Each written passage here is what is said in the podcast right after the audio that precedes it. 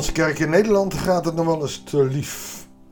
Tenminste, dat is naar mijn mening. We durven elkaar niet meer de waarheid te zeggen. We durven niet meer te zeggen waar het op staat. Uh, want ja, ieder heeft zijn eigen waarheid en ja, dan moeten we ons daar maar aan houden. Paulus is daar heel anders in. Die durft uh, keihard te zeggen waar het soms op staat. En dat is zowel lastig als dat het heel goed is. En daarom is het goed om de brief aan de Corinthiërs af en toe eens gewoon onder ogen te hebben. We komen nu aan het slotakkoord. Hij waarschuwt, ik kom naar u toe. Maar niet zonder slag of stoot. Ik wil in liefde naar u toe komen, maar dan moet er wat veranderen. We hebben de laatste twee hoofdstukken er al duidelijkheid over gehad dat het Paulus niet lekker zat hoe de gemeente in Korinthe in elkaar zat. Dwaalleraren, apostelen die zeiden apostelen te zijn, maar winstbejag maken. Dat zegt niks over hun leer misschien, maar wel een verdraaiing. Dat de Paulus veel aan gelegen is, is ook in het slotakkoord in hoofdstuk 13 een heel duidelijk. En daarom gaan we vandaag lezen uit 2 Korinthe 13, vers 1 tot en met 13, uh, eh, het hoofdstuk uit het boek uit.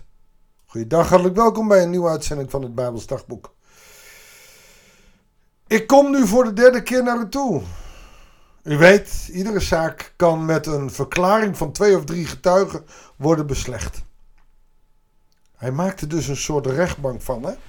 Wel nu, ik heb het tegen degene die maar bleven zondigen en ook tegen alle anderen gezegd toen ik in de tweede keer bij u was. En ik zeg het u op dit moment, nu ik nog niet bij u ben, opnieuw. Wanneer ik weer kom, zal ik u niet sparen. De liefde van God gaat niet altijd over zachtaardigheid. Oh, koedie, koedie, koedie. Er is geen koedie, koedie, koedie bij God. Er is alleen maar keiharde evangelie, wat vol liefde is. Maar niet lief, lief, lief en aardig en zacht. En in die liefde is God soms zo streng. En wij zouden eigenlijk ook strenger moeten zijn. Ik denk dat we daarmee de kerk vol krijgen. En dan niet streng is, van je mag dit niet. Of je mag dat niet. En de jeugd, je mag niet roken, want weet je niet dat je lichaam is de tempel van de... Nee, niet dat moralistische gedoe. Leer de kinderen over Jezus. Discipel ze. En laat ze tot eigen ontdekking komen dat sommige dingen niet goed zijn. Maar als we alleen maar zeggen wat niet mag, nou daar hebben we de kerk mee kapot gemaakt.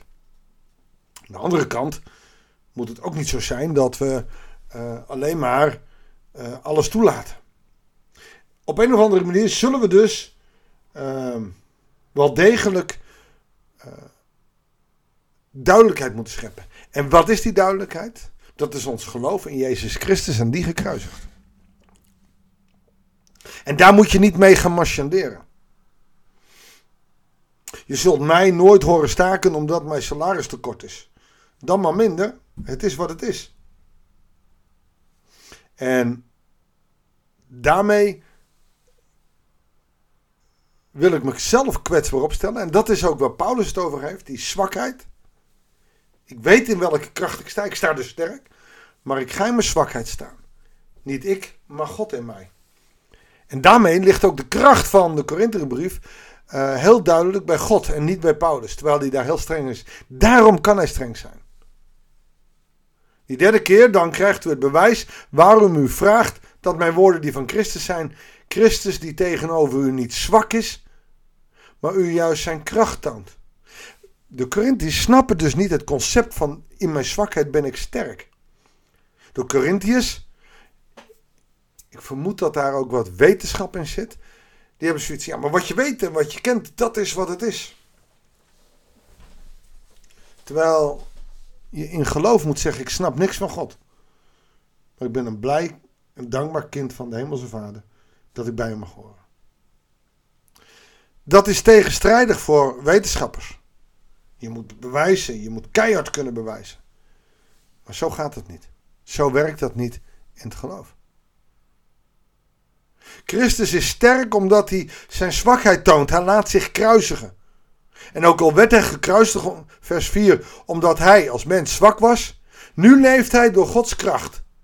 En ook al zijn, zwak, zijn wij zwak, in eenheid met hem, u zult merken dat wij net als hij leven door Gods kracht. Wij leven niet door ons kapitaal. Wij leven niet door onze kennis. Wij leven door onze zwakheid in de kracht van de opgestane Heer. Dat is de boodschap die deze wereld niet snapt. En wij hebben als kerk, denk ik, heel kritisch, maar dat is vooral ook naar mezelf. Uh, ik, wil dus niet roekzichtloos uh, uh, kritiek geven op kerken. Ik, dat is altijd ook naar mezelf. Wij hebben als kerk ehm, het geloof een beetje bij de mensen willen brengen dat het allemaal wel kon. Wij hebben niet meer de keiharde werkelijkheid uh, van het evangelie laten staan in deze wereld. Omdat die zo anders is. In deze wereld, in onze westerse maatschappij, gaat het om kracht, status en macht. En zwakheid, dat is het slechtste wat je kan hebben. Terwijl in zwakheid, zegt Paulus, ben ik sterk. Want dan ben je afhankelijk van God. En dan kan God in je werken. En dat past niet in onze maatschappij. Daarom is geloven ook helemaal niet het makkelijkste in onze maatschappij. Onderzoek bij uzelf of het geloof uw leven bepaalt. Stel uzelf op de proef. U weet toch van uzelf dat Jezus Christus in u is, Immanuel. Als dat niet zo is, dan, hebben we u de, dan hebt u de proef niet doorstaan. Ik hoop dat u zult inzien dat dit wel voor ons geldt.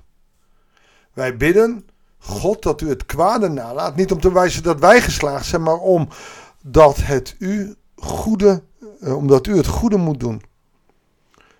Ook al zou het lijken alsof wij gefaald hebben. Het maakt niet uit of wij gefaald zouden hebben. Het gaat om Christus in je. En hier zie je dus in het slotakkoord dat Paulus het zegt. Het gaat niet om mij.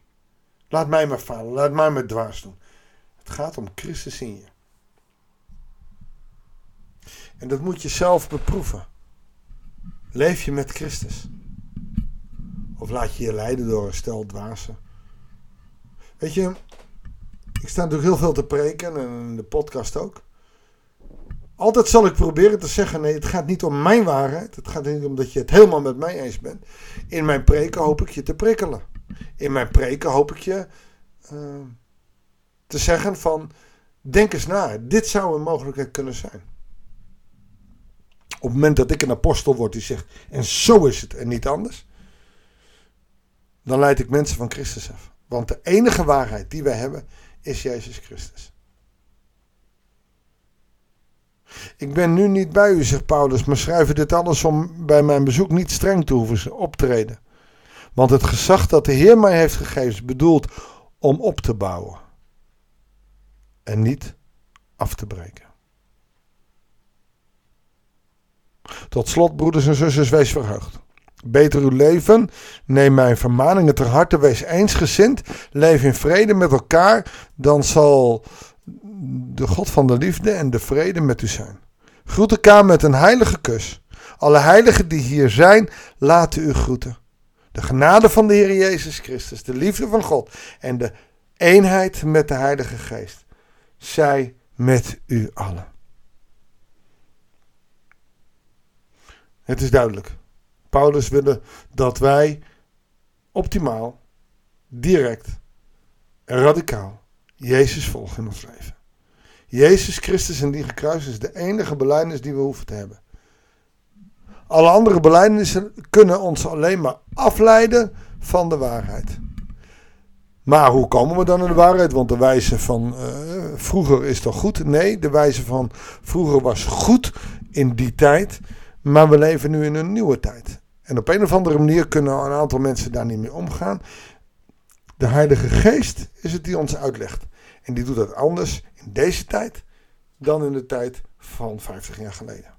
Daarom blijft geloven iets dynamisch. Het kan nooit vastliggen in dogmatische en regels van toen en nu. Laten we ons leiden door de Heilige Geest. Dan zullen we zien dat de boodschap vanuit de Bijbel ook in deze tijd heel goed past. Zullen we samen bedanken en bidden. Heer God, dank u wel voor uw liefde en genade. Voor die keiharde boodschap door Paulus heen. God, dat wij ons niet vast moeten houden, zo is het altijd geweest, zo zal het blijven. Maar dat wij telkens opnieuw ons laten verrassen door uw evangelie. Want uw boodschap is zo mooi, zo goed. We danken u voor alles wat we daaruit kunnen halen. Ga met ons mee deze dag en de dagen die volgen in het weekend. En breng ons volgende week de maandag weer allemaal bij elkaar via deze podcast. Opdat wij van u mogen leren, in u mogen groeien en bloeien. Dat bidden wij en danken wij u in Jezus' naam. Amen. Ik wens je God zegen. En eigenlijk wil ik deze uitzending voor dit weekend dan ook eindigen met de zin die we net al lazen.